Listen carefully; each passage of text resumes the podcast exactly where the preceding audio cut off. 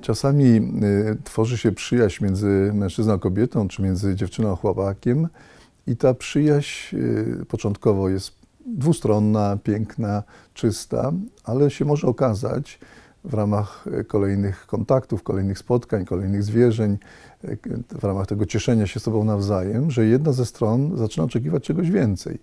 Y, To się nie tylko zdarza klerykom, którzy na przykład podtrzymują kontakty z koleżanką ze szkoły, czy księdzu, który podtrzymuje kontakty też z koleżanką ze szkoły, czy z jakąś parafianką, z którą się dobrze rozumieją i gdzie naprawdę budują piękną, czystą relację, ale to się może też zdarzyć i zdarza się i to często między świeckimi.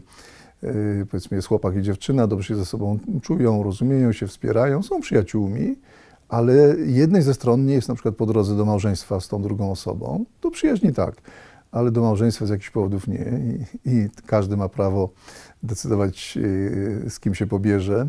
Yy, Mogę być mm, przyjacielem dla wielu osób, ale przecież tylko z jedną yy, się pobiorę, jeśli jestem świeckim. Więc może być tak, że właśnie w ramach tej przyjaźni, czy to między świeckimi, czy to między duchownym a osobą świecką, któraś ze stron zaczyna czegoś więcej oczekiwać. Nie chodzi o seksualność, o współżycie, ale o to, żebyśmy byli no, właściwie ob, obustronnie zakochani w sobie, żebyśmy podkreślali, że jesteśmy my we dwoje największymi przyjaciółmi. Jeśli mamy jakichś innych przyjaciół, to na, ewidentnie na drugim planie i że ja mam większe prawo do ciebie, a ty większe prawo też do mnie, e, a- ale dwustronnie e, i że masz mieć dla mnie więcej czasu, ja chcę mieć też dla ciebie.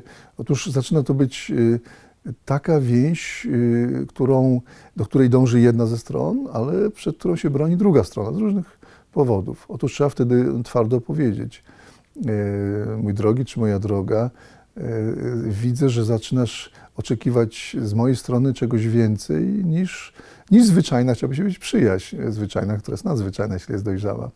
Ale mówiąc, e, rozumiemy się, chcesz czegoś więcej, chcesz e, czegoś, co jest podobne do zakochania, czy do, do jakiejś fazy e, przygotowania się do małżeństwa, czy chcesz we mnie widzieć Twojego prawie Zbawiciela, że ja Ci mam we wszystkim pomóc, e, wszystko w Tobie wyrozumieć, a jeżeli mówię, to może o tym porozmawiać z kimś innym, to się czujesz odrzucony, czy odrzucona, czy zlekceważony, zlekceważona.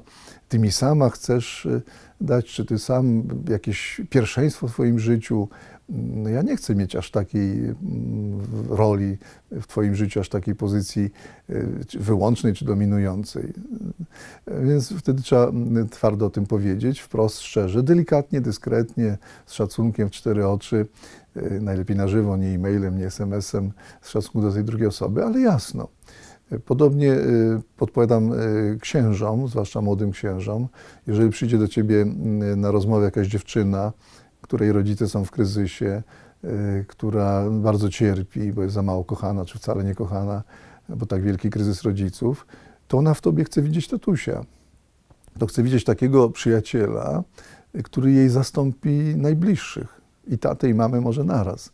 I chłopaka, bo na razie się boi chłopaków, no bo tata zamiast kochać krzywdzi, więc może się bać e, świeckich chłopaków. I w tobie szuka i taty, y, i mamę, y, i, i, i chłopaka, i wszystko naraz, dobrze pomieszane.